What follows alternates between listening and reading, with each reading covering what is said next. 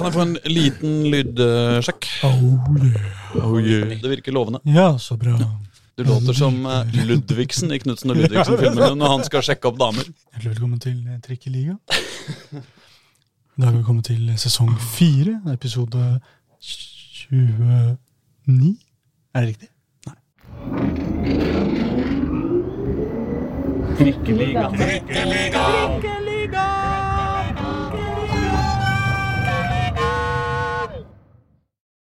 Mine damer og herrer og andre, velkommen til Trikkeligaen sesong 4, episode 30. Etter en deilig, deilig sommerferie, eller hva, Håkon? Ton? Jo.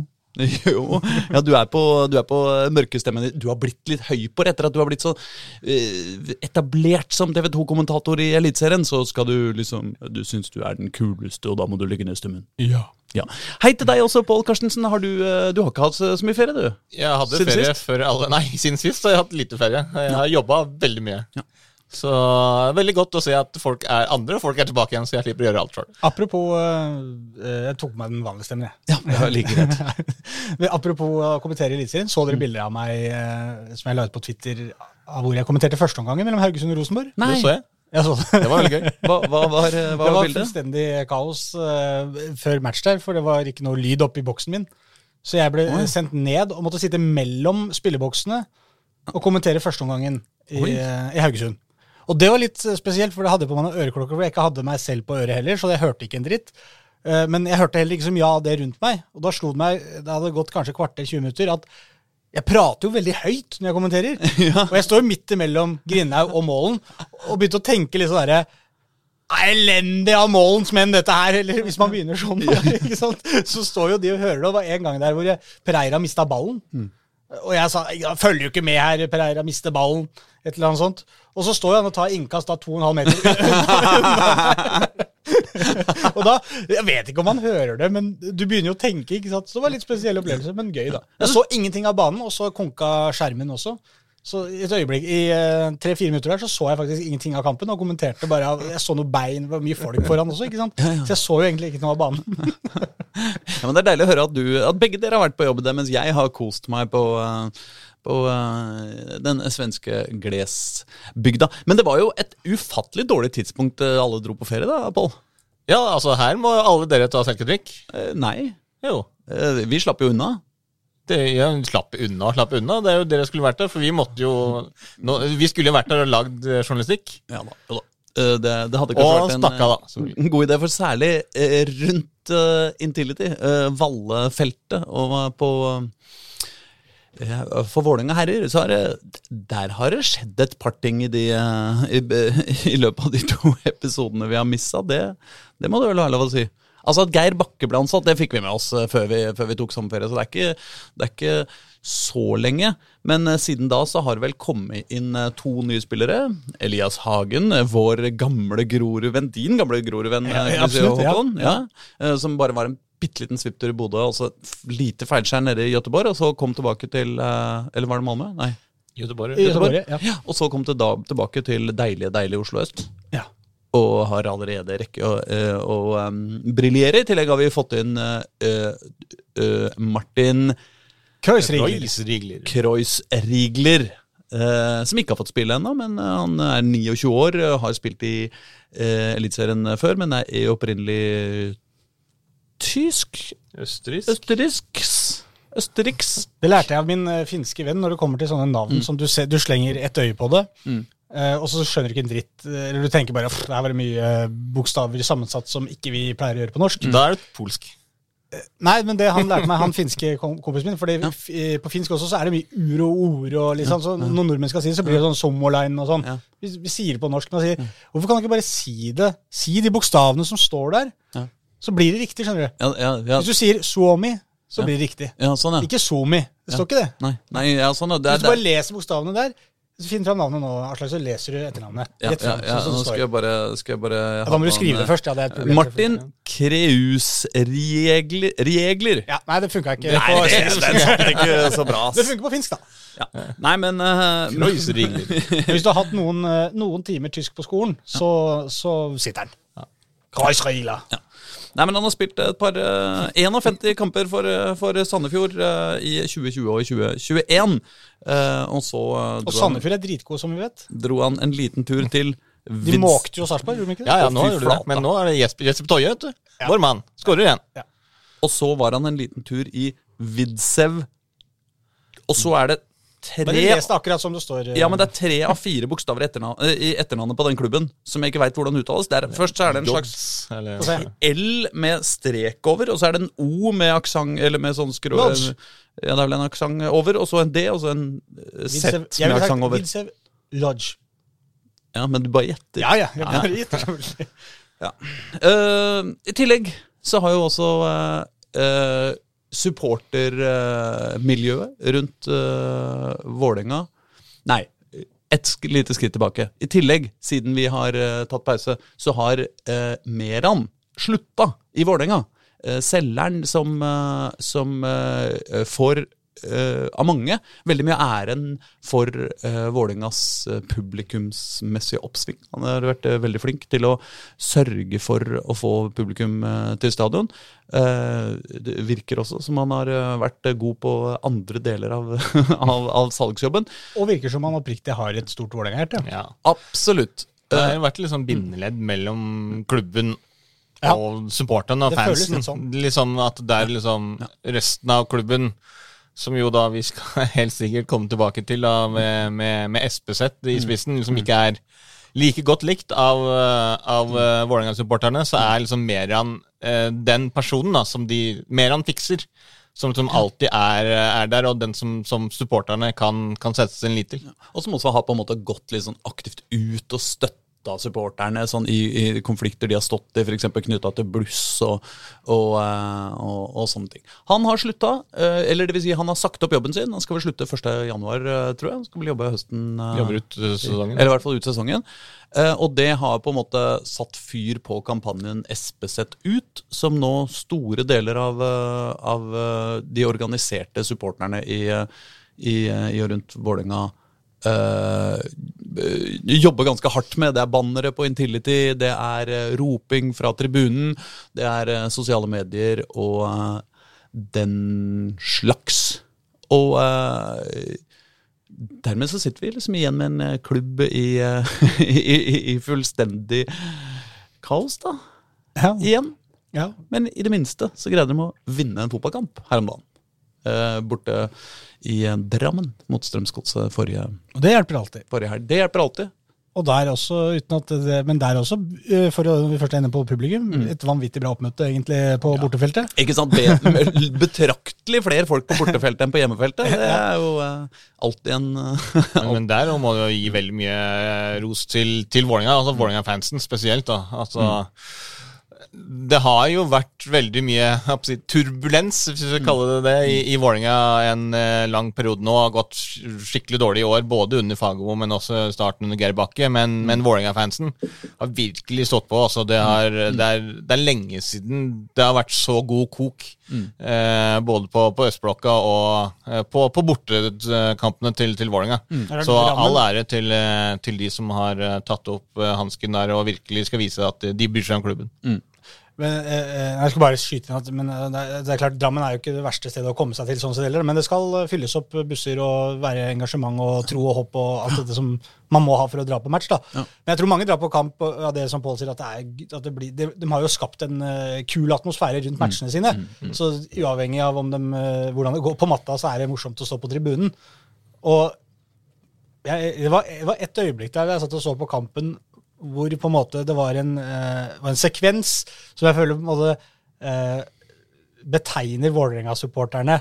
I hvert fall sånn som jeg ser det, sånn, litt sånn utenfra. Hvor, hvor de, er liksom, de har jo alltid vært mestere i å provosere.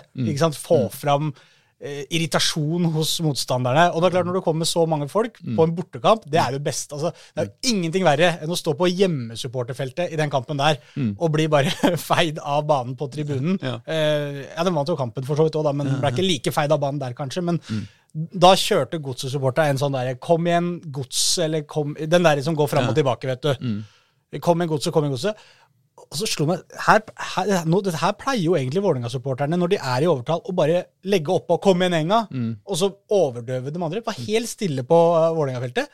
Og jeg tenkte hva faen som skjer nå? For den godsegreia gikk ferdig, liksom. Og så skjer det. Så kommer Hører dere bønna nå? Selvfølgelig. Først.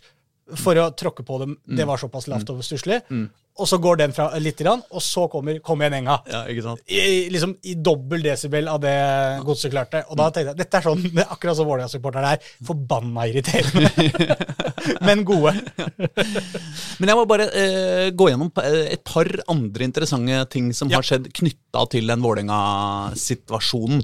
Fordi eh, ehm, det som på en måte har gjort eh, diskusjonen litt ekstra konkret, da, er jo at eh, vår gamle eh, podkastgjest uh, Erling Rostvåg og tidligere eh, klans eh, og også eh, Han har vært ute på Twitter og, og på en måte fortal, fortalt eh, litt om liksom grunnlaget for kritikken eh, mot SPZ.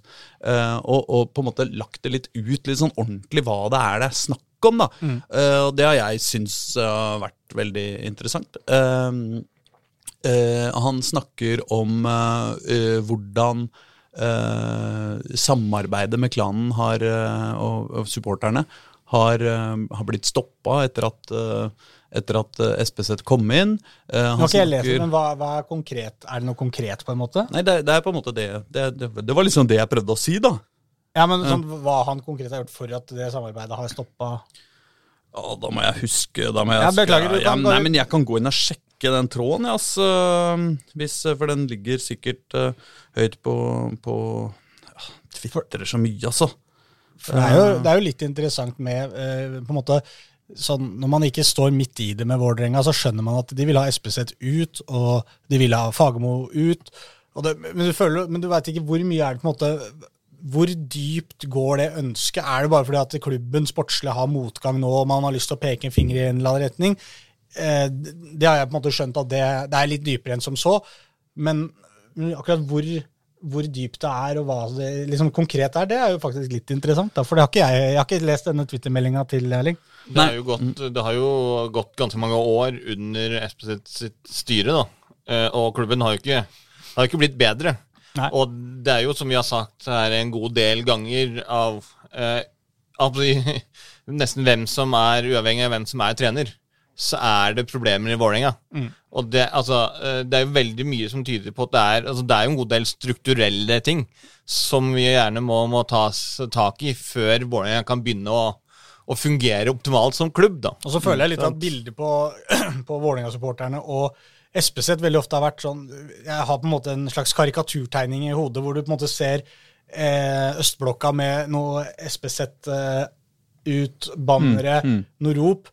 Og så sitter samtidig måte SPZ i en sånn glassboks på toppen av Intility og hører ikke en dritt av hva som skjer, og sitter eh, tilbakelent med hendene i kors og smiler og syns det er hyggelig på, på match. på en måte. Og Jeg føler at det er litt sånn bildet jeg har sånn utad fra hvordan det forholdet der er. Hvor Meran på en måte flyr midt nede på hovedtribunen. Ja, han har en akkreditering, men han går ikke i dress. Han går i han, Ja, ok, han går kanskje i dress, da. går i dress. Men han går i hvert fall rundt der og prater litt med folk på hovedtribunen, og liksom knipser litt bilder av blussen på tribunen. Det er liksom de tre Ja. aktørene i min karikatur. eh.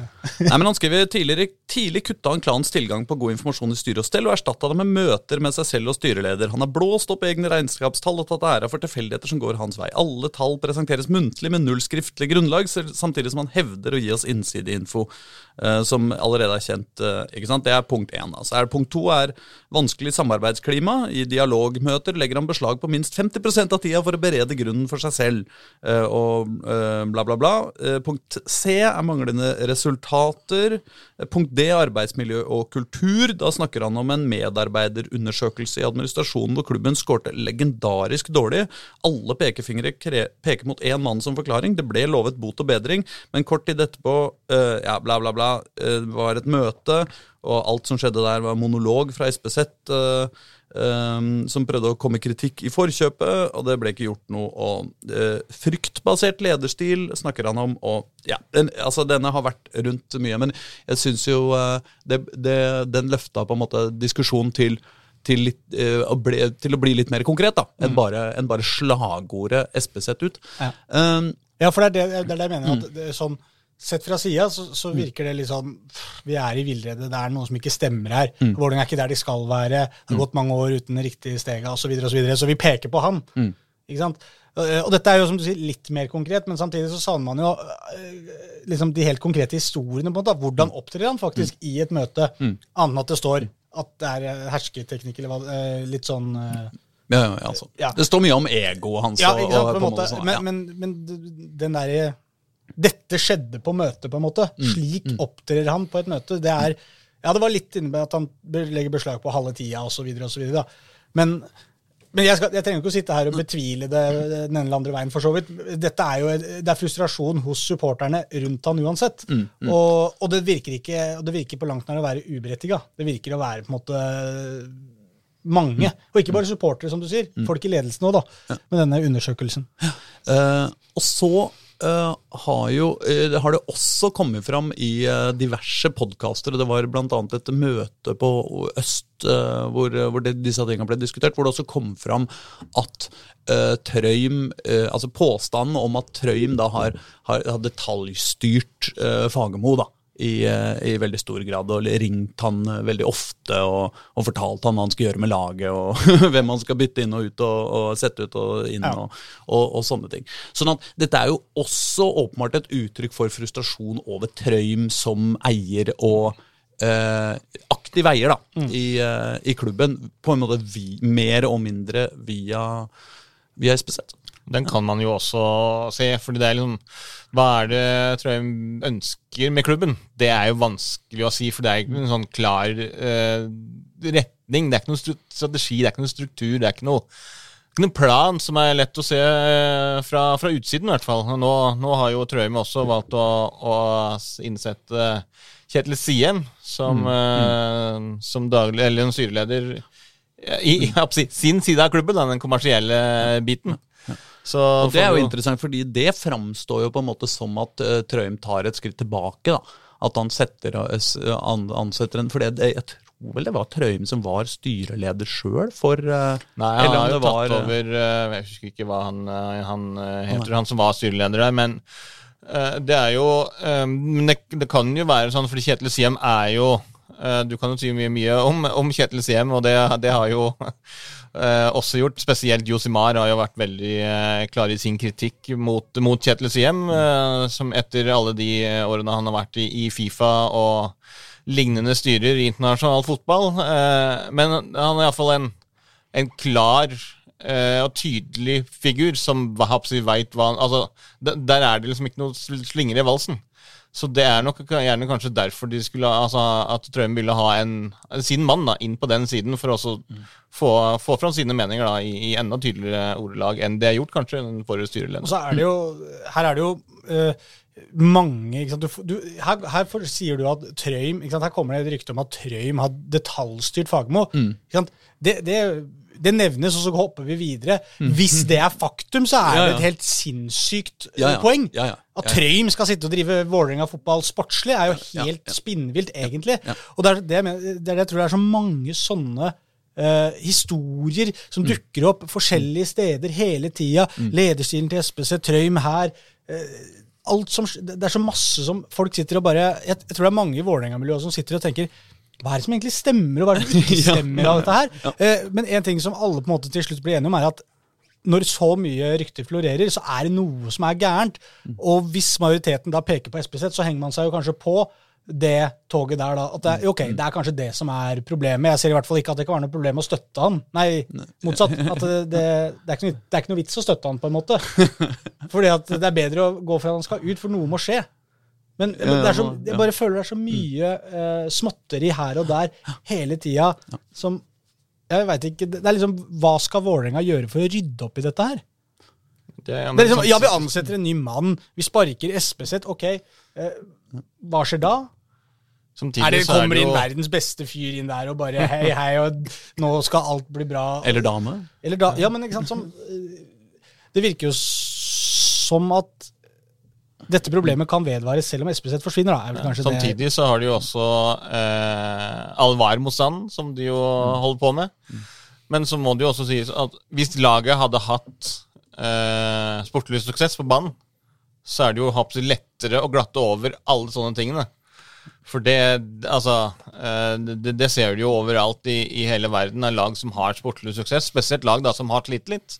Mm. Kanskje eh, altså, eh, godt eksemplifisert av Newcastle da, i, når de blir kjøpt opp av Saudi-Arabia. Mm. Alle kjenner jo til all motstand mot Saudi-Arabia, menneskerettigheter og alt som skjedde der. Mm. Men sant, for en fanbase da, som Newcastle, eh, som ser at laget deres går jo bare fra å ligge helt nederst på vel, til nå kvalifisere for Champions League. Da er det jo altså supporterne kjempefornøyd med det sportslige. Men ikke kanskje like fornøyd med de på, på eiersiden. Men samtidig så vil jo jeg eh, på, altså jeg, jeg, jeg, kjenner heller ikke nok detaljer i denne saka til å faktisk mene noe konkret om den ene eller den andre. Men det jeg syns eh, jeg, jeg, vil gi supporterne honnør for, det er for det første at altså det, var jo, eh, det var jo et eh, opprør mot, mot Fagermo da han var trener også på slutten. Da folk begynte å rope ut med Fagermo og sånn. Uh, men jeg syns det er på en måte litt bra at man ikke da sier ok, vi fikk sparka treneren. Nå, nå, er det løst, på en måte. da. Mm. Men at man på en måte fortsetter å holde eh, en eller annen sånn eh, At man, man, fortsetter å sette fingeren på, på en måte, ok, hva er det egentlig som som, som, er gærent i klubben. da. At man ikke bare sier at ok, vi fikk sparka treneren, nå kommer en ny trener, og alt blir bra. liksom. Men man tar det på alvor. Men Og så er det Så har det jo vært Eh, mange som har reagert på liksom denne bruken av bannere og roping fra tribunene og lage negativ stemning og, og, og sånn. Eh, og, men, men, der også syns jeg på en måte at ja, men det er nå faktisk den stemmen man har, da. Mm. Som, som, masse, på en måte. Som stor masse. Men, altså, liksom, som supportere så har man ikke liksom enkelt Man får, er ikke, sitter ikke i styret. Ikke sant? Man har ikke en, noen sånn formell de, uh, inngang til å gå og diskutere dette. Ikke sant? Man, kan, man får ikke, det har ikke møte på ikke? Man, er, man, sitter ikke i de foraene hvor disse tingene bestemmes, og da er på en måte det eneste man har, er jo å å demonstrere, på en måte. da, Og, og liksom gjør, og bruke sin kollektive stemme. Og Jeg syns jo ikke det gjennomsyrer mm. matchene til Vålerenga heller. Det er jo ikke 90 minutter med SP sett ut, men det kommer en markering på et eller annet tidspunkt uh, hver kamp. Det gjør det. Mm. Og det, det, er jo greit nok, men jeg synes liksom det er de der, de bannerne som var oppe på, på mm. Valle der, mm. eh, og liksom de der som skriver 'SPZ er kreft' og 'håper du dør' mm. og går løs på, på familien hans. Ja, men er det er det, ikke, altså, det er jo mer igjen sosiale medier. Håper du dør og går løs på familien hans? Ja, altså, eh, da, da, blir det for, altså, for mye. Men, så, så det er, det, du, må, du må finne en balanse, da. Jo, jo, jo. Ja, og, det, og det, det, er klart det er et helvete for SPZ å stå i. Det må, det, være, altså det må jo være grufullt å ha uh, tusenvis av folk som roper navnet ditt uh, uh, som et skjellsord hver eneste dag. Og, og, det er klart at han er jo også en, en sånn ekstremt vanskelig situasjon. Hvordan faen skal du håndtere det? Hvordan skal du, skal du, skal du løse det? men så er jo forskjellen på en måte at ja, men han er i denne sammenhengen makta. Mm. Og liksom, det, det, gjør det litt annerledes. Han, det en enkeltsupporter i Vålerenga kan på en måte ikke gå til avisa og diskutere dette. Ja, og men, inni Espeseth sitt hode så mm. er vel han det kan jo, altså Jeg tviler jo på at Espeseth sitter og tenker i sitt eget hode ha-ha, nå sitter jeg og rævkjører denne klubben. Nei, nei, altså, han sitter jo sikkert og tenker at jeg prøver jo hver dag å gjøre mitt beste for denne klubben. Ja. Ja, ja. Det, det, må jo i hvert fall ha, Jeg forventer at han tror det i hvert fall inni huet sitt. Eh, men det er vel det at det han, måten han opererer på, da, mm. det er ikke Den er man på en måte ferdig med, virker det som. da Veldig mange mm. har lyst til å kvitte seg med Men jeg tror det er en del Vålerenga-supportere som hvis de fikk valget nå, hadde gjeninnsatt Fagermo og kasta SPZ. Hvis det var liksom én vi, vi, må beholde én, vi må kaste én. Ok, kanskje vi heller tar Fagermo, da, så kvitter vi oss med Espeseth. Jeg veit ikke. Absurd uh, problemstilling uh, på en måte. Men, Men, men, men, vi, for, ja. men, hva som på en måte er løsninga på dette for Vålerenga, det er jo det som egentlig er det spennende. fordi som du sier, hva, Det er vanskelig for Espeseth å stå i dette her. Mm. men liksom, hva er det folk egentlig vil ha? Vil de ikke ha er løsninga egentlig så vanskelig? Vil du at den skal åpne døra, si hei, vis til Som, uh, som Erling skrev i den mm. tweeten her også. At de presenterer ting hele tida muntlig. Altså, gi oss talla skriftlig. Vis hva du faktisk har fått til. Eh, uten å, og, og stå for det du lover, og de, alle disse tinga her, da. Det, vel, det høres jo ikke så vanskelig ut. Det er det vel det som er irriterende med det, kanskje. Å, å få det til å fungere, mener jeg. Ja, nei, det, det Jeg, jeg veit ikke, jeg. Jeg har aldri vært uh, sjef. Ikke jeg heller. Så, så Det er, det er sårt. Jævlig sårt. Dere, vi må gå videre til eh, Ok. det sportslige. Eh, og Men, mens vi eh, men, men, men, men bør Vålerenga kvitte seg med han? Så nært. Nei, Det, det, det, det jeg vet- jeg syns jeg, synes jeg eh, Jeg syns ikke vi skal eh, henge Men oss om- på den ene eller den andre sida, med mindre vi, gjør det som eh, Hva mener sportskommentatoravdelinga? Nei, Har dere altså, tatt det- en eh, Det er ikke vi, vi har som du sier, ikke god nok informasjon om hvordan Altså hva den jobben han har gjort, hvordan den er. Det eneste vi kan registrere fra utsiden, er jo at eh, A. Det er veldig mye eh, kritikk mot ham fra store deler av fanbasen. Eh, B. Under hans periode så har jo Vålerenga hatt ganske altså begrensa med suksess, som vi kan kalle det. Utenom den bronsemedaljen til, til Fagermo. Eh, og det er liksom eh, Hans jobb er jo mer enn det sportslige. Så, eh, så er det jo sånn at eh, personkarakteristikker og, og litt sånne ting som jo kommer fram her. Mm.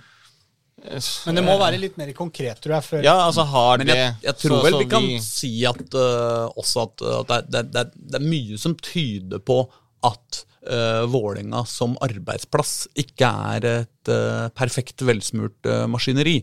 Eh, som, som får fram det beste i folk, og som, og som folk liker, er glad i å, gå, gå på jobb hver dag. Liksom. Ja, ja. Og det, så, så, så, så, jeg, så jeg synes jo det er Det, det framstår for meg i hvert fall som at noe må gjøres. Ja, og Når vi sitter her på en måte og representerer sånn som Dagsavisen, så er det jo litt rart å skulle på en måte mene på bakgrunn av veldig lite om han skal gå eller ikke. Så kan man jo selvfølgelig mene private, ha private tanker om det sånn på sida at eh, jo, selvfølgelig hadde det vært bra. For, for klubbmiljøet kan det virke bra hvis han forsvinner og disse tinga her, men, men sånn jobben han har gjort, syns jeg det er vanskelig å på en måte analysere annet enn de sportslige resultatene. da. Altså det er, men det er jo klart at Som en avis da, så hender det jo at man krever politikers politikeres avgang, f.eks. Statsministeren må gå iblant, og, Ja. og man eh, vil mene det. Men det er jo for en avis noe man ikke skal ta lett på. da. Man skal jo Nei, på en måte, det- og, og- Da skal man sette seg ned og skal man gjøre veldig grundig journalistisk arbeid på det, og så skal man komme fram til at eh, Nei, men ikke, ikke, ikke Altså, vi, vi, vi kunne jo gått godt inn i det på en måte 100 brukt alle ressursene Det er det våre jeg mener at Per nå så sitter vi med for lite informasjon egentlig om situasjonen til å kunne mene det 100 at han må gå, eller det er ikke hans feil. et eller annet sånt. Da kan en vi gå liten utenomsportslig detalj før vi går videre, er jo at vi i dag, tidligere i dag så la vi ut at uh, gammel uh, Vålerenga-helt uh, Mohammed Abdelawa Mm. uh, returnerte fotballen. Han blir altså da fotballagent Mm. i samme eh, agentbyrå, Nordic Sky, som da har bl.a. Martin Ødegaard i, i stallen. Etter å ha vært lærer da i mange år, så returnerer han til, uh, til fotballen. Det er som uh, journalister og kommunikasjonsrådgivningsbransjen. altså. De, før eller seinere så går vi alle over til the dark side Og blir, blir agent. og blir fotballagent. Nei, men eh, Strømsgodset Vålerenga. Vi må snakke litt grann om den fotballkampen også. som noen har jo antyda at det, det var det her det snudde for eh, Geir Bakkes uh, Vålerenga, Håkon. Mm, Jeg vil Nei. si ja. ja, ok. Du Men- sier, ja, det er Jo, men, men det, er, ja, men det er bra. Uh, og det er basert på altså Det er basert på Elias Hagen, stort sett, egentlig. Altså, og, og det er mest basert på Altså, det, det er fort gjort å si nei, fordi det er jo for, Altså, taper de neste kamp, så er de jo tilbake igjen der de var. Og det kan fort skje. Resultat. faktisk, konkret var de tilbake der de var allerede med en gang når uh, Sandefjord vant. Sandefjord vant. Men ja. resultatmessig. Så, men, men det som vi så, var at uh, uh, i, den, I det som Geir Bakke har prøvd seg på da, siden han kom inn i klubben, så har de nå fått en helt annen balanse i det laget med eh, Elias Hagen inn eh, på, på midtbanen der. Som kan ta tak i ting, som luk, er, er, bidrar til lukkerom. Det er litt sånn uh, Du går faktisk fra to til tre mann der. Og da er det jo en ekstra person til å lukke de rommene. Eh, og i tillegg med, med uh, altså kvalitetene som Elias Hagen hadde Han viste jo stor spilleforståelse, ro, bidrar med balanse, ekstremt tydelig kroppsspråk. Han dirigerer spillere med altså både eh, bak banen i, i forsvarsleddet, men også spillere rundt seg. Eh, og i tillegg så var han jo veldig eh, Enda mer kreativ enn jeg trodde. Altså Allerede etter 40 sekunder så kunne han jo levert en målgivende pasning til Petter Strand. Han hadde jo eh, pasningen igjennom til, eh, til Ofkir før 1-0-målet.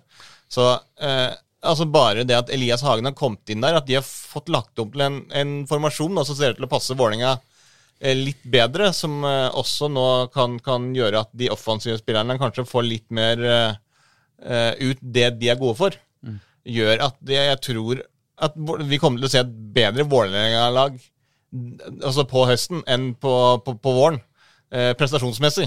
Eh, og det skal jo ikke så mye til, for det har jo vært ganske nitrist. Men så har jo også Strømsgodset tapt fire på rad, og er jo ikke verdens aller beste lager. Hva sier du, Håkon? Er, har eh, Karstensen tatt eh, litt mye tran i dag?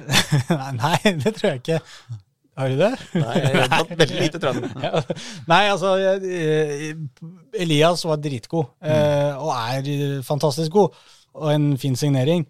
Eh, Men når vi liksom diskuterer om det har snudd for Vålerenga, det er liksom Ja, hva er det å snu det? Er det å komme seg over nedrykksstreken, på en måte?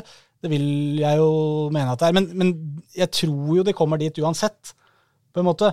Men, men da må man jo snu den trenden de var i, selvfølgelig. Men om dette på en måte var startskuddet for det, det vet jeg ikke. fordi Vålerenga kommer til å, det kommer til å gå opp og ned i neste kampen også. Det er ikke sånn at det nå blir det fem strake seire til Vålerenga. Det tror jeg ikke. Det er jo, det er jo litt typisk Vålerenga, da. Ja, det- At man, når man først liksom gjør det bra, så, så knuser man alle og bare bøtter på, og så plutselig så spiller man liksom en eller annen sånn tåpelig kamp mot Ålesund, og så taper man, og så bare Så dør alt. Ja, så dør alt. Ja.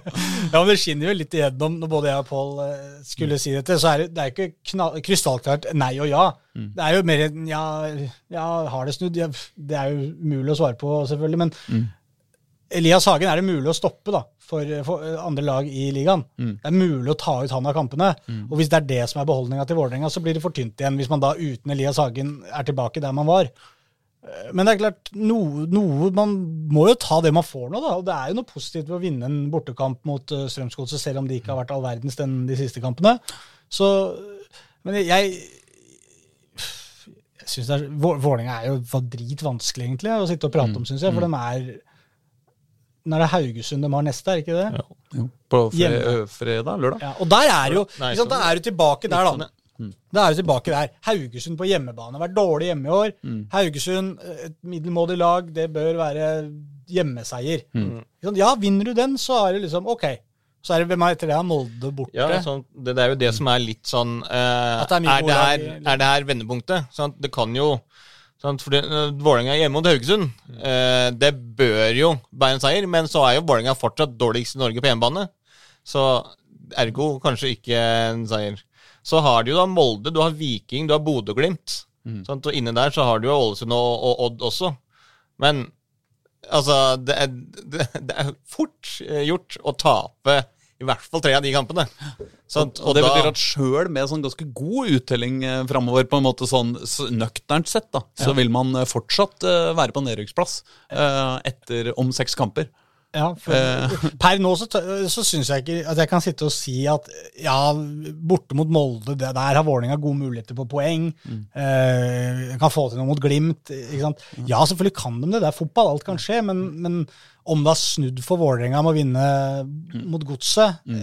det, er liksom, det er litt for tynt. Men det, er, men det var mye bra i den kampen, da. Det var det, det, var det absolutt. Men det, det skal jo sies at det var en del dårlig også. Ja da. Eh, altså For det første så er jo selvfølgelig Storviks eh, første involvering i, eh, i, I Vålerenga, nesten. i, i, på A-laget omtrent. eh, på, I serie, seriespill eh, gikk jo rett til eh, han der Braut Brunes, og eh, en godt plassert lobb tilbake. Og så da Åh, da hadde jeg vondt av han. Stakkars. altså. Ja, det er også litt vondt av, av Geir Bakke, som har begynt eh, Og han har tatt mange grep. Ingen av grepene har gitt eh, At du kan si om de har fungert eller ikke, men ingen hadde iallfall gitt poeng. da sant? Og så valgte han da å vrake Sjøeng eh, og sette inn eh, en ny keeper. Og så gikk det sju minutter, og så gjorde altså, og, og det var eh, Vålerenga var igjen det beste laget fra start. Eh, og så gikk det sju minutter, så får du den i fleisen. Ja, ja, ja. Og da, altså, som trener, da, så må du sitte der og tenke altså, faen, det er- ingenting av det jeg lykkes, skal lykkes med. Liksom, det her er dømt til å Men jeg reagerte egentlig på en situasjon som er eh, ikke så lenge etter det, hvor det er, jeg tror det er dødball, eh, sånn innleggsposisjon fra, fra høyre. Ingen som eh, følger eh, noen, egentlig. Ja, hvor, hvor eh, Jeg husker, Var det Brunes det også, kanskje? Eller var det han eh, Nei, samme. Men i hvert fall så får en Strømsgodset-spiller nikke rett på mål helt aleine fra liksom fem meter, eller tre meter. Altså det Sånn der kjempeposisjon, så gjør Storvik en god redning, eller Jeg, jeg husker Ja, ikke. Storvik som- Men i hvert fall, det blir ikke mål. Og det er klart at hvis den hadde sittet, så hadde jo alt sett annerledes ut. Men det, men det er noe der som er veldig skremmende, syns jeg. da Hvordan man ender opp eh, med, med å, eh, å, å liksom bare ikke markere folk i, eh, på innlegg på dødball, sånn, som, Ja, som er sånn derre eh, altså, Elias Hagen er kjempegod spiller, og, og Vålerenga er full av, av spillere på den offensive halvdelen som, som kan ha veldig veldig gode kamper og som kan gjøre underverker og på en måte kan vinne ligaen alene, holdt jeg på å si. Eller sånn, eh, ikke sant? Både Haakons og Ofkir eh, og Bjørdal eh, også har jo, og Sidiata har sånne kamper hvor de liksom bare Åh, wow! liksom, så eh, er, helt, er konger utpå der. Men Da Sidi Jata flyr høyt inne i feltet der og stanger baller i mål, så tenker du vi kan jo bare vippe baller Ja. skyet i himmelen, vi. Ja, ja. Så hopper han, og vi kan jo skåre 13 mål hver kamp. Og gjøre Ja, det. Vålerenga kan være det svenske damelandslaget. liksom. Det er, Ja. bare, det er bare få corners, så er det mål. Sånn burde det være. Men, men ikke sant, samtidig sitter man der med den konstante følelsen at eh, det der eh, midtforsvaret, nå Trebecks-linje, da at, eh, Men uansett hvordan man har organisert det, da, så er det litt eh, wonky, ass. Ja, og det, det, det har de jo snakka om selv òg. Det er derfor de har eh, av både A henta en, en stopper, men fortsatt jakter en stopper til. Fordi de altså eh, Både mm. Geir Bakke ser jo det som vi alle andre ser. At de har jo stort sett spilt med eh, Fredrik Oldrup Jensen, som jo da ikke er midtstopper. De har spilt med Stefan Strandberg, eller de har ikke spilt med Stefan Strandberg, for han har jo spilt eh, nesten annenhver kamp siden mai. Og Alexander Hammer Kjeldsen på 17. Og du kan si veldig mye bra om Hammer Kjeldsen, og han har imponert meg nesten i hver eneste kamp. Fordi altså, komme inn i 17 og være så rolig og så, altså, så god eh, og så trygg eh, i Eliteserien er ekstremt imponerende. Men allikevel, de tre der sammen altså, Det er ikke et supertrygt stopperpar. jeg synes, men jeg syns også det, En trio. ja, men jeg synes, jeg synes det rare er når du sitter og ser på Vålerenga, så kan de ligge det de kaller ramma. Da, sant? Alle spillere er liksom på rett side, riktig plassert, organisert. Kommer et innlegg, så er det én Vålerenga-spiller inne i feltet, føles det ut som.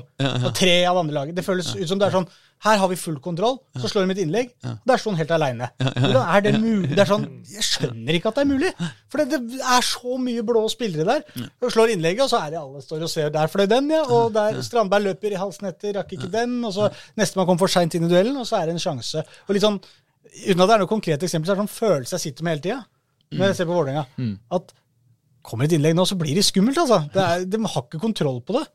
Og jeg tror på en måte at Geir Bakke kan klare å fikse det der, at han kan stramme opp forsvaret og, og dette, men det er sånn sykdomstegn for, for lag. Alle disse båndlaga har alltid det. De, ligger der, spiller litt bra fotball, sier intervju etterpå ja, se her, vi fikk til en god del, og alle er enig i det. Det var jævlig bra fra første halvdel av andre omgang. Var dritbra der. Eh, Men så kommer et innlegg, og så er det helt fullstendig svikt i markeringa, og baklengs.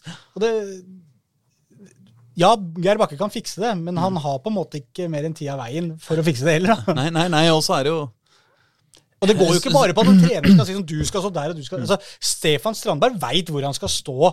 Hvis, hvis motspilleren er her, så skal han stå der.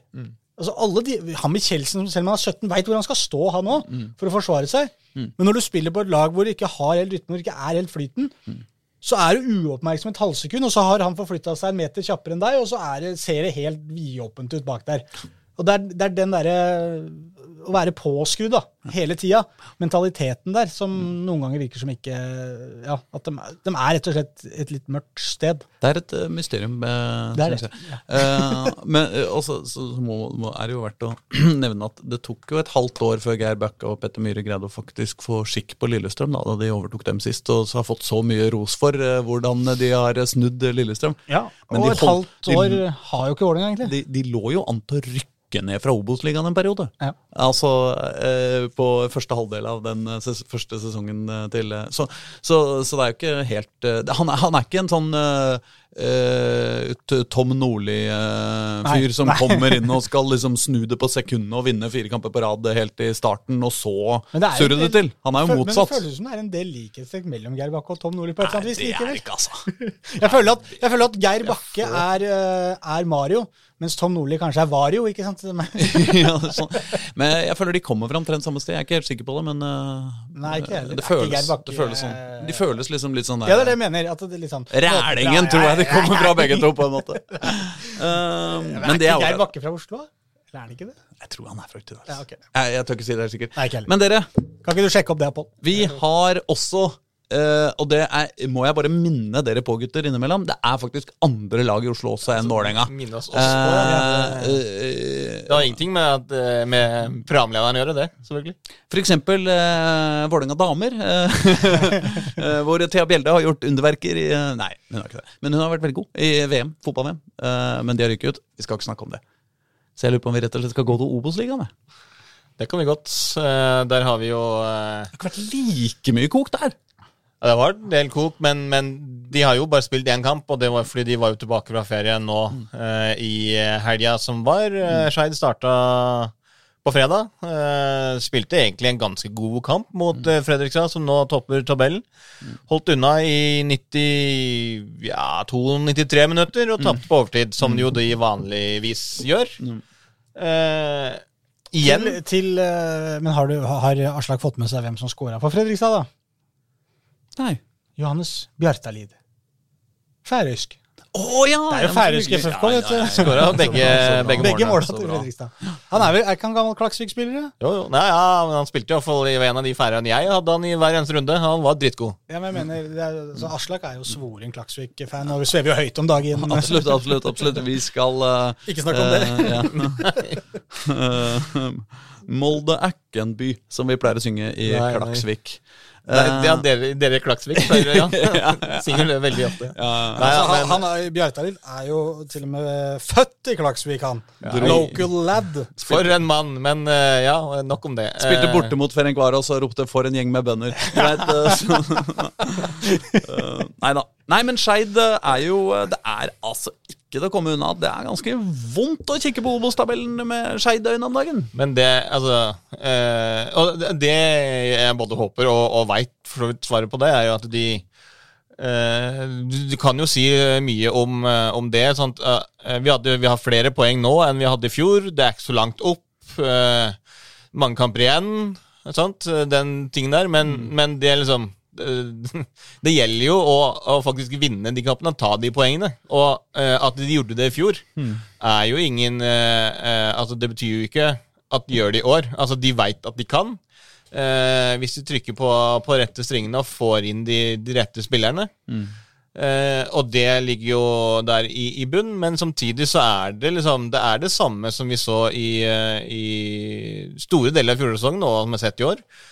Skeid spiller gode kamper, det er gode prestasjoner av og til, men sant, det hjelper ikke det hvis du ikke får med deg noen poeng. Og det er en sånn litt lei tendens som at de er, spiller jevnt med alle de gode beste lagene også i, i ligaen, men ikke får med seg noe. Og du, du, Rarmers jeg Beklager, ta det. Nei, jeg bare eh, eh, Grorud var jo på en måte det laget som lå, lå nederst og nederst og nederst og greide å gjøre en siste sluttspurt og redde seg i Obos-ligaen i, i flere år.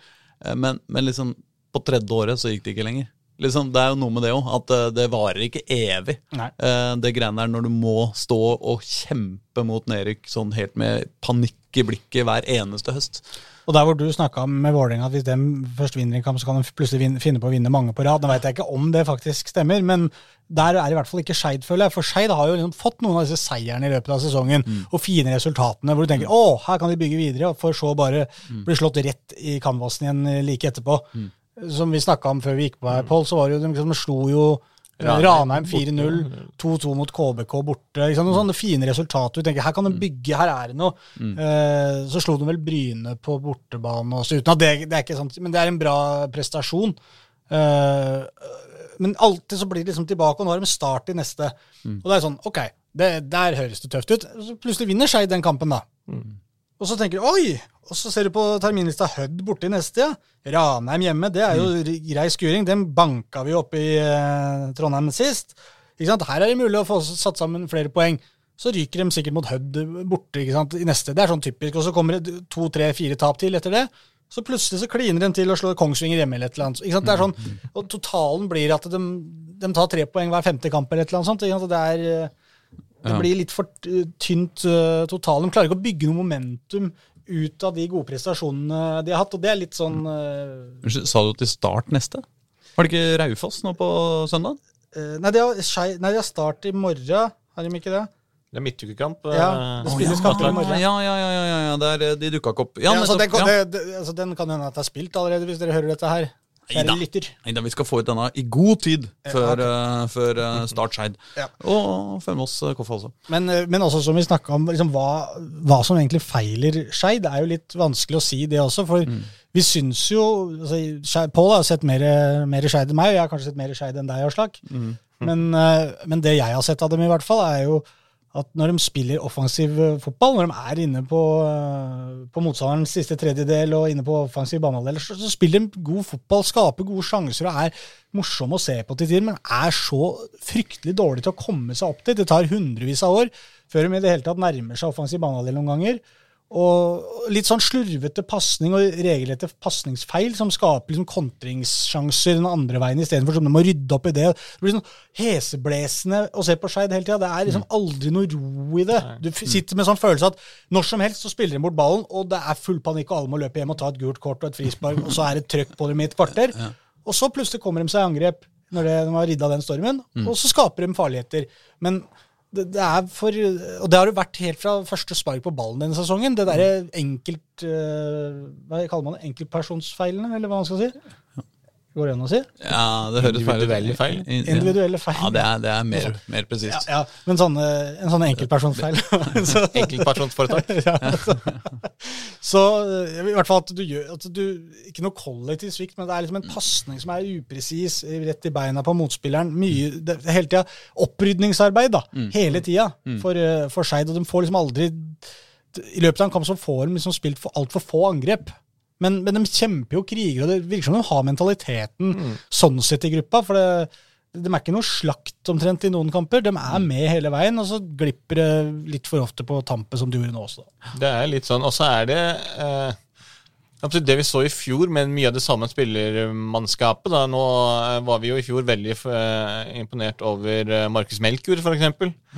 Eh, og i fjor så var det litt sånn at de hadde Det er veldig mange av spillerne på laget som er ganske jevne. Så det var, spilte ikke sånn kjempestor rolle hvilke spillere de spilte med, men så hadde det et par som var helt uunnværlig. Som Melkur i fjor, eh, Napoleon Romsås, som jo går til Tromsø og gjør det kjempebra der. Men i år så eh, har ikke de stått fram. Du har liksom ikke den derre X-faktoren på toppen av liksom den kriginga og den derre eh, Sånn som du Du får liksom ikke de eh, individuelle, altså enkeltmannsprestasjonene riktig vei. Eh, og det er kanskje litt sånn for at de ikke greide å satt sammen eh, laget eh, til å fungere bra nok som en, som en enhet til nå. Da har vi jo sett liksom, har brukt litt forskjellige spillere. Eh, Melkjord ikke helt på nivået som var i fjor. Bendik Riise litt på benken. Eh, Tore Naustdal har kommet inn der. Kanskje de her to er litt for like spillere. Og litt sånne ting da, som også gjør at du kanskje ikke er helt eh, Du får ikke den flyten da, i, i laget heller. Nei, og jeg synes jo at, uh, at Eller når du snakker om dette nå, øh, så får jeg litt sånn déjà vu til forrige sesong. Uh, Skeid som hadde en dårlig høst, som du var inne på. Og da hadde jeg en prat med Gard Holme. Nei, en dårlig vår, mener jeg. Ja. ja. Eh, hvis man kan kalle det fram til nå er vår. Da. Ja, ja, men, eh, men da hadde jeg en litt interessant prat med Gard Holme husker jeg, om akkurat dette her med at jeg sa til ham at jeg føler at det er samme hvem som blir skada på det laget ditt, Gard. Det gjør ikke noe om han går ut, du setter inn han, og han er like god. Mm.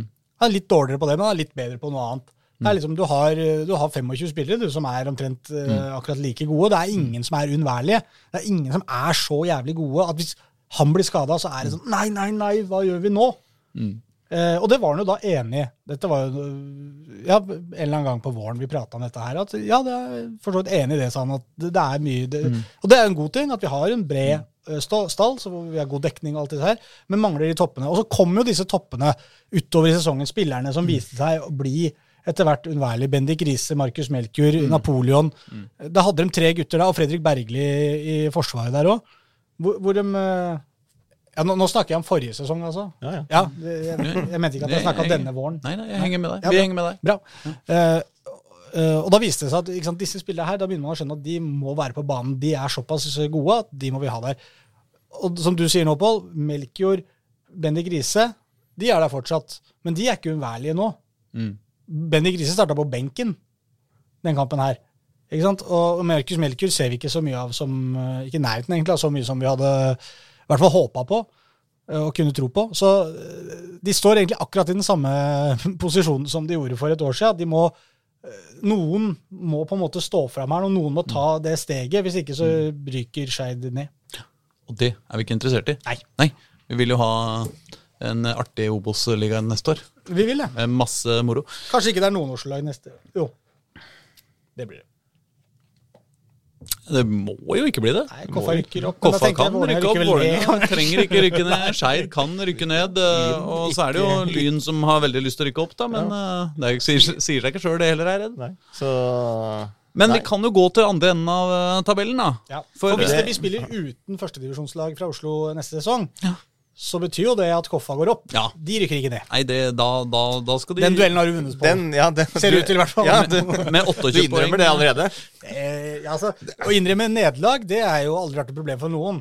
Eh, det er jo det å si at vi har klart det, det er det som er det skumle. Så jeg vet ikke, har du vunnet? Uh, jeg har jo uh, Nøler. Nøler. Altså, jeg, snakka jo, som jeg sa til deg tidligere, jeg snakka en god del med, med Koffa-spillerne. Eh, Hvis noen lurte på hva vi diskuterer nå, så er det bare at jeg og Pål har vi, Inge, vi har snakka litt om det her. At uh, jeg trodde Skeid skulle havne over Koffa på tabellen. Ser ikke så lyst ut! Nei, det gjør ikke. Så jeg, jeg, har jo, jeg treffer jo en del eh, Koffa-spillere her og der, holdt jeg på å si. Nå uh, på Skeid-kampen Simen Hestenes, og, og etter Koffa-kampen så snakka jeg jo selvfølgelig med en del av KFM-spillerne.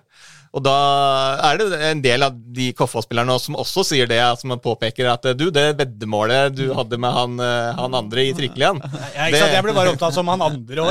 Det er sånn Sarpsborg-Fredrikstad-opplegg. Ja, han andre.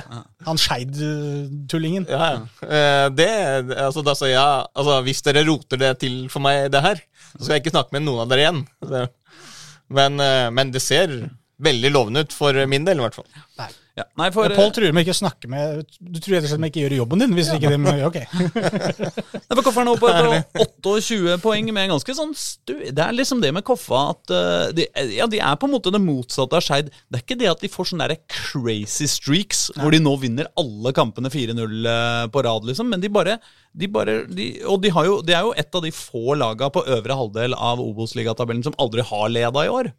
Eh, hvis jeg, Ja, sånn, jeg ligger på toppen av tabellen. Ja, veldig, ja. veldig, det har, de har Ja, de har bytta mye, men kamper. Koffa har aldri ligget på toppen der, liksom.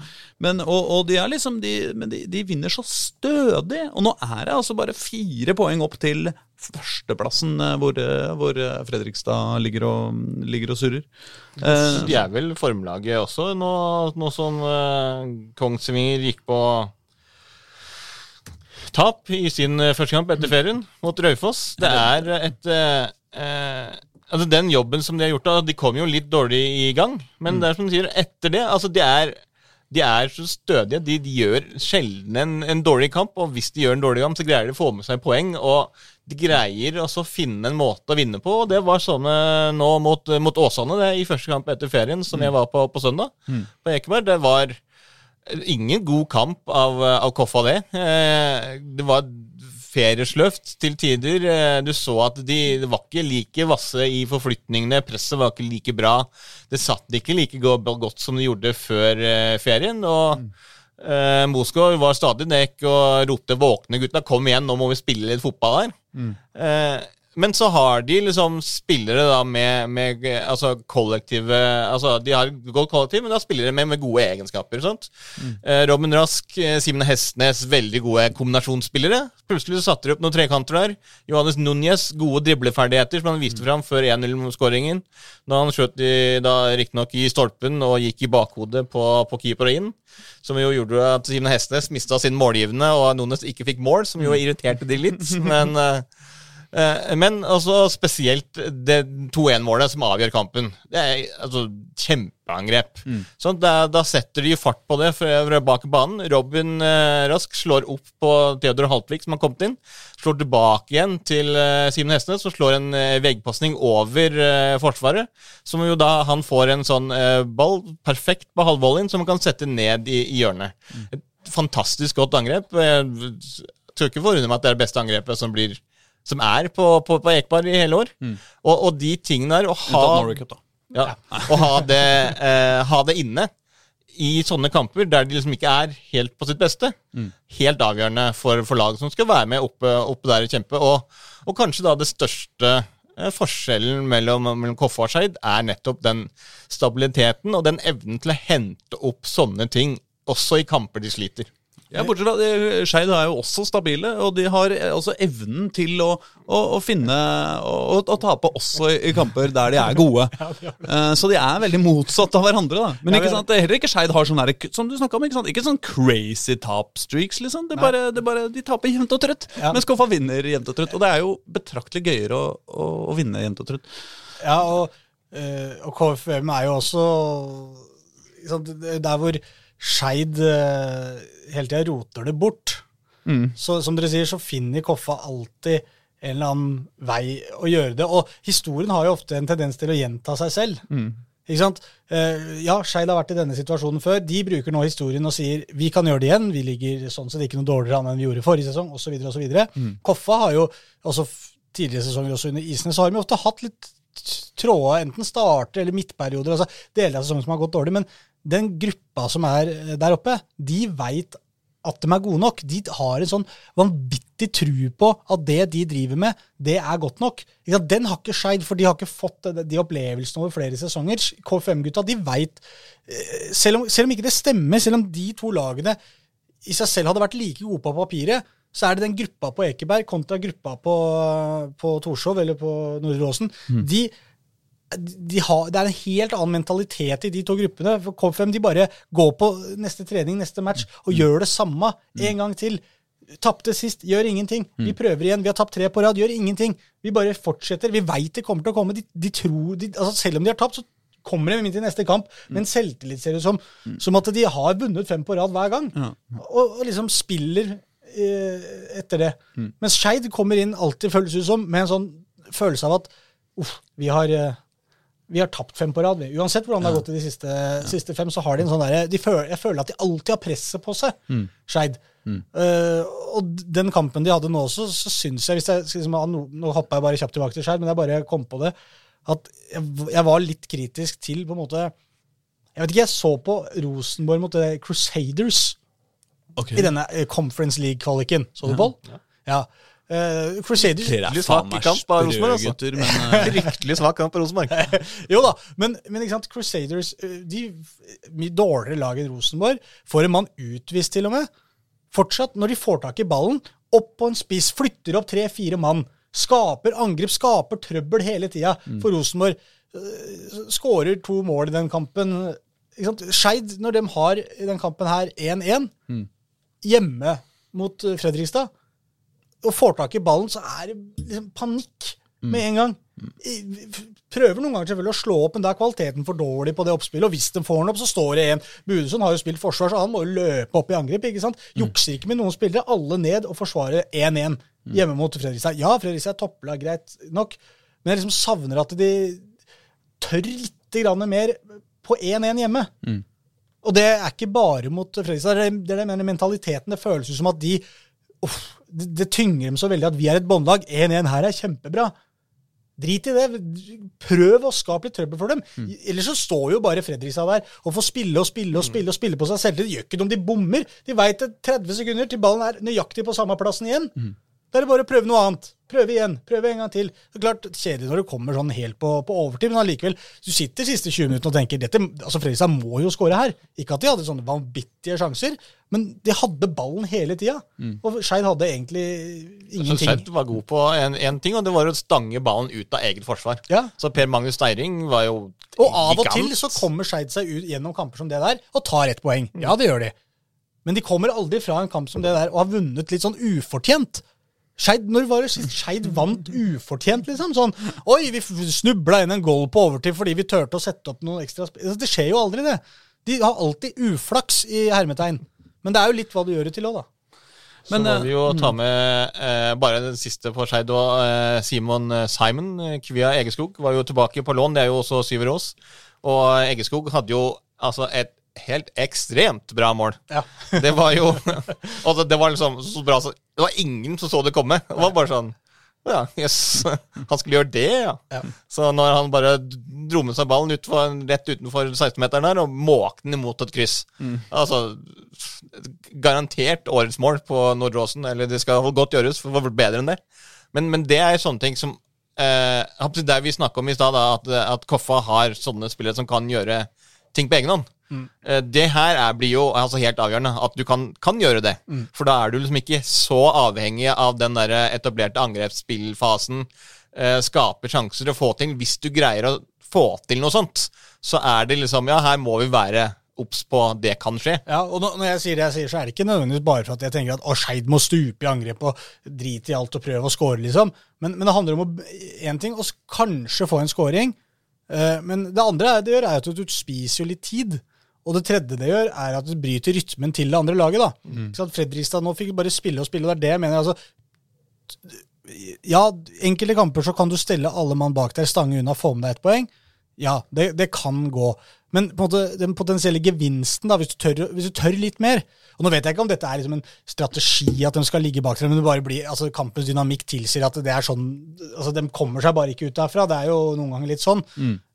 Men jeg bare tenker når Crusaders liksom fikk til dette mot Rosenborg, var liksom de, de prøvde å dra seg forbi, krangla seg gjennom på et eller annet vis. og da Litt den der jeg skulle ønske at uh, kunne se hos, uh, hos Skeid også, at de ja, rett og slett hadde litt mer trua på seg, på sjøl. Men det er jo ikke enkelt, det, selvfølgelig, når man uh, er i, inne i en tung sesong. Dere, nå tror jeg vi skal bevege oss videre nedover Vi må nok i, snakke, vi må nok seriesystemet. snakke litt mer om Obos-ligaen. Ok. Eh, Nei, om, Det er jo eh, Det som er interessant eh, for Obos-Lia-lagene også, er jo at nå går det jo rett inn fra ferie til et veldig tøft kampprogram. Nå har du tre kamper eh, eh, på én uke. De går jo rett inn, fra, altså inn, inn i ferien, og så har de en midtukekamp, og så spiller de jo igjen på, på lørdag. Og så har de en uke fri, og så har de tre kamper til på én uke. Sant? Og den her eh, måten de skal legge opp eh, det Jeg snakka litt med, med Johannes Mosgaard om det. Han var, altså, han var egentlig usikker på det. Han har aldri vært med på det eh, selv. Altså ut fra en ferie og rett inn i et sånt et kampprogram. Har de eh, Altså har de trent spillerne for hardt? Har de trent spillerne ikke hardt nok til å stå kampperioden? Og den kampperioden også blir jo også veldig viktig med, med tanke på eh, hvilke, hvor mange poeng får du med seg, hvor mye får du med seg, fordi alle lagene skal jo gjennom det samme. Eh, og det gjelder jo jeg, både for, for, for Koffa og, eh, og Skeid, så det også blir jo noe som blir veldig eh, interessant å, å se videre. Da, både når Koffa nå skal ut mot eh, Moss eh, onsdag kveld, da, mot eh, sin gamle spiss i Thomas Klemetsen Jacobsen, som jo returnerte til, til Moss. Før de da får nettopp Fredrikstad på besøk på lørdag, er vel det. Eller søndag. Søndag, kanskje. Eh, og det òg blir en ekstremt viktig kamp. Hvis Koffa eh, skal være med helt der oppe og kjempe om eh, en av de to øverste plassene, så er det jo da eh, nå Fredrikstad hjemme. Så er det et par kamper igjen, og så er det Kongsvinger borte. Og i, i den her eh, tøffe kampperioden Så hvis de greier liksom å, fortsatt holde på den her ubeseirede rekka og, og få med seg poeng, skape ting her og der, så er eh, Koffa eh, fint i- kapabel til å blande seg inn helt der oppe gjennom hele, hele høsten i, i, i år igjen. Da kan du gå videre. Hvis du vil det. Ja, men så hyggelig. Um, I andredivisjon uh, er det vel uh, er det, Har det vært mest action, kan vi vel si, i avdeling, uh, i avdeling 2? Hvor uh, Altså, det har jo bare vært action i avdeling 2, ja, siden det er bare de som har spilt. det har jo vært litt deprimerende action for vår, vår eneste byklubb i, i avdeling 2, nemlig Ullern. som, De har jo faktisk endelig fått seg en seier, da. Årets første hjemmeseier, så det må jo si være gledelig. Ja, de slo Bærum uh, 2-1 her uh, når, når var det? Ja? Det var første kamp etter eh, ferien. Ja, det er vel tre uker siden? Ja. Eller noe sånt. Jeg husker ikke om vi var innom den forrige, forrige, episode. Det er viktig. Det er uh, hatoppgjør, altså. Ja, ja. Bærum, Ja, ja, ja, fader, ja. den eh, vil du ikke tape. Nei, nei, nei. Sil Silkerampens uh, oppgjør på uh, Nei da. Og vi tar selvfølgelig alltid da parti med laget som kommer lengst øst. Ja, vi, vet parti med Ullern, ja. Ja, ja. Og Bærum så gæren. Um, Men det som var, i hvert fall, at når de vant den kampen, det som var viktig med det, var jo at de, da hadde de jo nettopp signert Fiti Masemi, som de har snakka om, og eh, fått inn en ny trener. Det er liksom, Nå har vi brukt eh, den ferien de hadde, da, på liksom å bygge opp litt momentum. Nå skal vi angripe den sesongen. Og så får du en seier på første forsøk, så får liksom en liten tro og en litt giv inn i gruppa. Sant? Fordi før eh, her så snakket vi snakket om ja, de har to poeng og ligger håpløst langt bak og ser helt forferdelig ut. Så har de jo fått litt eh, poeng, da, litt plukka noen uavgjorter her, vunnet en kamp der og sånn, som gjør at det ser ikke så fryktelig ut, liksom. Det er ikke, det er ikke helt sjanseløst. Eh, selv om de nå går på et tap her, og går på et tap De tapte jo nå hjemme for, eh, for Alta nå, nå sist. Mm. Tapte 3-1, eh, fikk en mann utvist, bomma på straffe. Eh, fikk litt sånn nøkkelsituasjoner mot seg, da. Så er det liksom en tro på at liksom, det er ikke umulig. Eh, og den blir, eh, blir viktig å ha med seg, fordi det, det så Litt på, på, på starten av sesongen ut, så så det litt sånn ut at det liksom ja, ja, det, det her blir tungt. liksom, Det blir vanskelig å få til noe denne sesongen. Men nå har de liksom, de har meldt seg litt på. Så eh, Og den, den må, de, må de beholde når de da skal møte Bærum i uh, returoppgjør. Nå denne, denne helgen. Det er vel uh, lørdag. Det. Foreløpig så ligger det med, med, med sju poeng nå, da. Og det er fem poeng opp til trygg grunn. Men, men det er jo også bare så vidt over halv serie. Så det er jo ikke Kan gå, det, Aslak. det er Absolutt, vi holder håpet oppe, gjør vi ikke det, Håkon? Må ikke le så mye mens vi snakker om at vi holder håpet oppe for Ullern. Vi blir glad Ja. av at det er håp. Ja. Bra. Og eh, i uh, avdeling nummer én så har jo da fortsatt ikke skjedd en dritt siden sist. Men der kommer det kanskje noen kamper eh, snart, eller? altså, det har jo skjedd en, en, en del, men, men på det skjedd en del? Ja, altså, de sier jo alltid det. Eh, folk de henter spillere, de selger spillere. Diverse som har skjedd. Eh. David Tavakoli har vel eh, nærmest bestemt seg for å altså ikke om vi legger opp, så han spiller jo iallfall ikke denne sesongen her Nei. eh, mer. Eh, han vurderer jo karriereslutt pga. Uh, ryggen. Han har jo ennå ikke Han har jo ikke eh, spilt fotball, ikke eh, trent så ordentlig på flere måneder. Eh, og for eh, Lyn så blir jo det her også en ekstremt viktig eh, uke. De starter jo Første kampen etter ferien er jo hjemme mot Egersund, som er serieleder. En kamp som de Altså, hvis de taper den kampen De har jo to kamper mindre spilt. Og hvis de vinner de to, så er de tre bak. Er det, Ja. rikt, er det riktig? Så for da har de jo Egersund har 35 poeng, eh, og Lyn har 27. Sant? Så da blir det jo 33 poeng hvis Lyn vinner sine to utsatte kamper. Ja, så da er de to Og hvis bak, da. da Ja, og hvis du nå slår Egersund, Ja. så er det jo Men hvis taper de for Egersund nå, så er det jo da absolutt 11 poeng bak, selv om de har to kamper mindre spilt. ja, Det er en veldig sesongdefinerende match, Det den som det. kommer nå. Og i tillegg så skal jo de også da Altså En av de utsatte kampene er jo mot Kjelsås, som jo var som jo fikk den kampen utsatt pga. cupen rett før ferien. Ja. Og den kommer jo da allerede i midtuka. Eh, altså en uke fra i morgen, er vel neste onsdag. Eh, og så har du en kamp igjen til helga, så da har de jo de også tre kamper på én uke. Og det er tre kamper som kan bli helt avgjørende for Lyn. Hvis de altså, ja, hvis de da Ja, for de har eh, Vålerenga to etter Kjelsås. ja, Så hvis de eh, går på Altså hvis de vinner alle de kampene, så er det jo virkelig med for fullt. Ja, ja. Er det, eier de poeng i én eller flere av de kampene, så kan det jo bli vanskelig liksom, utover eh, høsten å jage et uh, opprykksjagende Egersund-lag. Ja, men hvis de slår Egersund og spiller uavgjort mot Kjelsås, så er ikke det helt krise. Nei, det er det ikke. Det er den Egersund-matchen som er på en måte virkelig nøkkelen, for at du, du da Ja, selvfølgelig. Fratar de poeng òg. Ja. Det er sånn det fungerer. Det er Det er lurt å slå de du laga du prøver å plassere. Ja, ja. Jeg hørt det er bra å Klassisk, vinne fotballkamper. ja. klassisk sekspoengerskamp her for, eh, for Lyn. Eh, så den blir eh, veldig spennende. Kjelsås starter bort mot Ørn Horten. Kjelsås signerte jo eh, Markus Solvang Ottesen i dag som erstatter for Rasmus Winge. Det kan bli en Det kan vise seg å være en veldig god eh, Hvor kommer han fra? Han kom fra Follo. Ja. Det kan være en veldig god eh, signering der. Jeg, så, jeg har sett eh, Follo i de to uh, foregående kampene mot Nordstrand. da. Og spesielt forrige kamp, også i helga som var. Da det ble 2-2 og et par røde kort og mye amper stemning på slutten, så skårte jo Markus Solvang Ottesen for, for Follo. Og han har vel eh, åtte mål på 15 kamper eh, som, eh, som kantspiller for Follo denne sesongen. Så her eh, kan igjen Follo ha Nei, Kjensås ha henta en, en spiller som kan bli en ny helt på, på Oslos tak.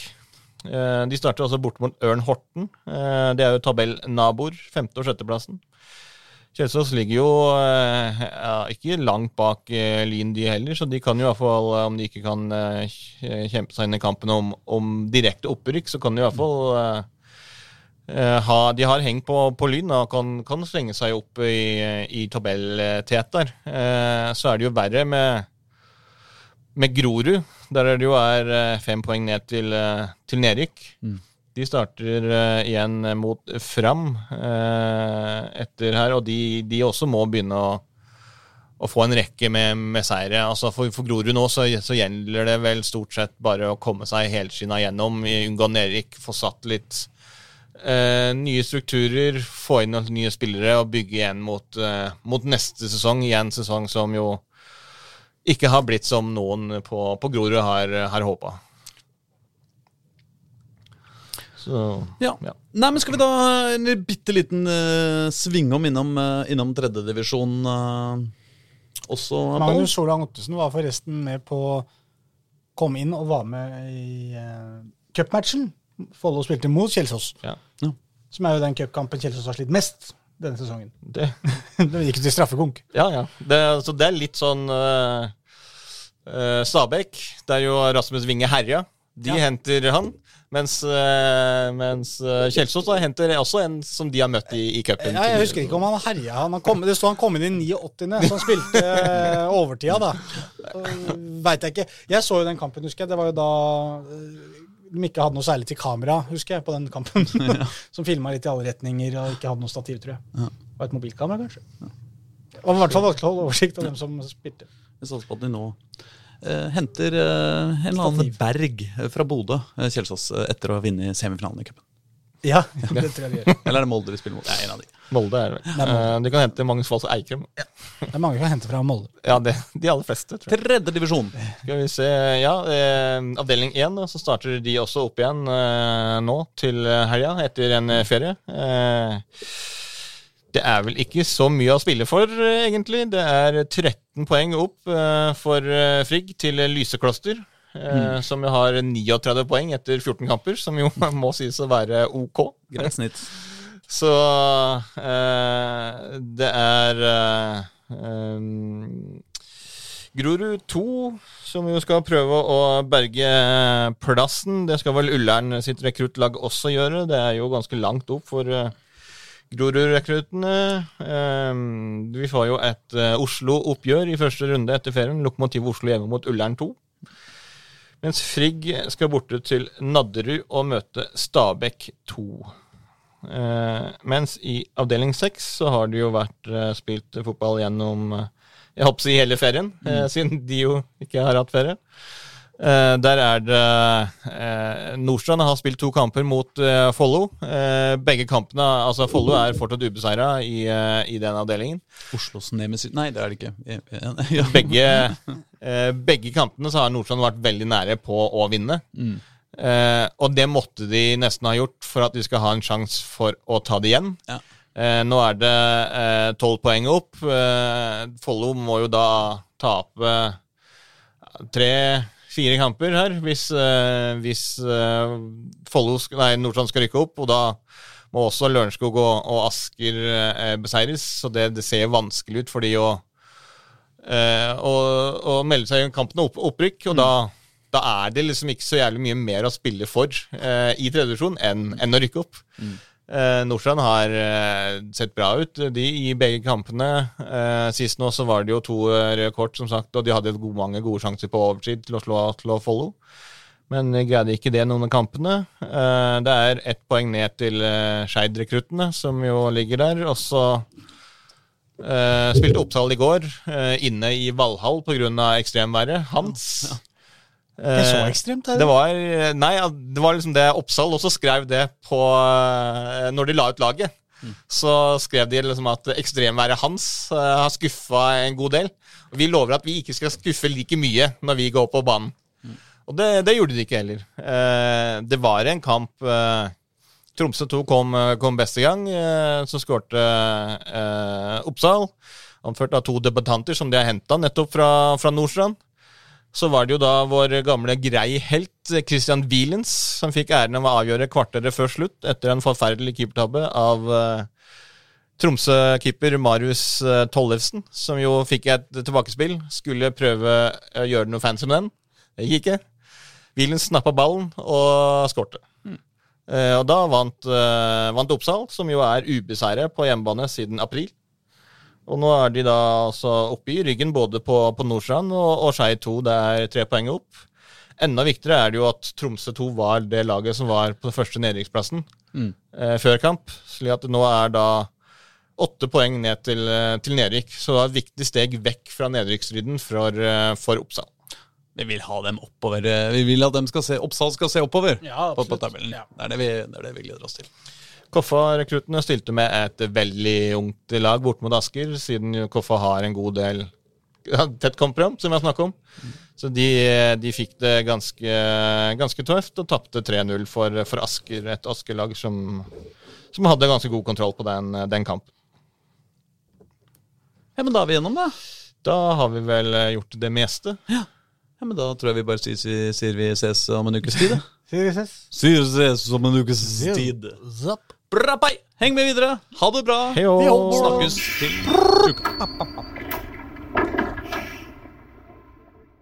Du har hørt en podkast fra Dagsavisen.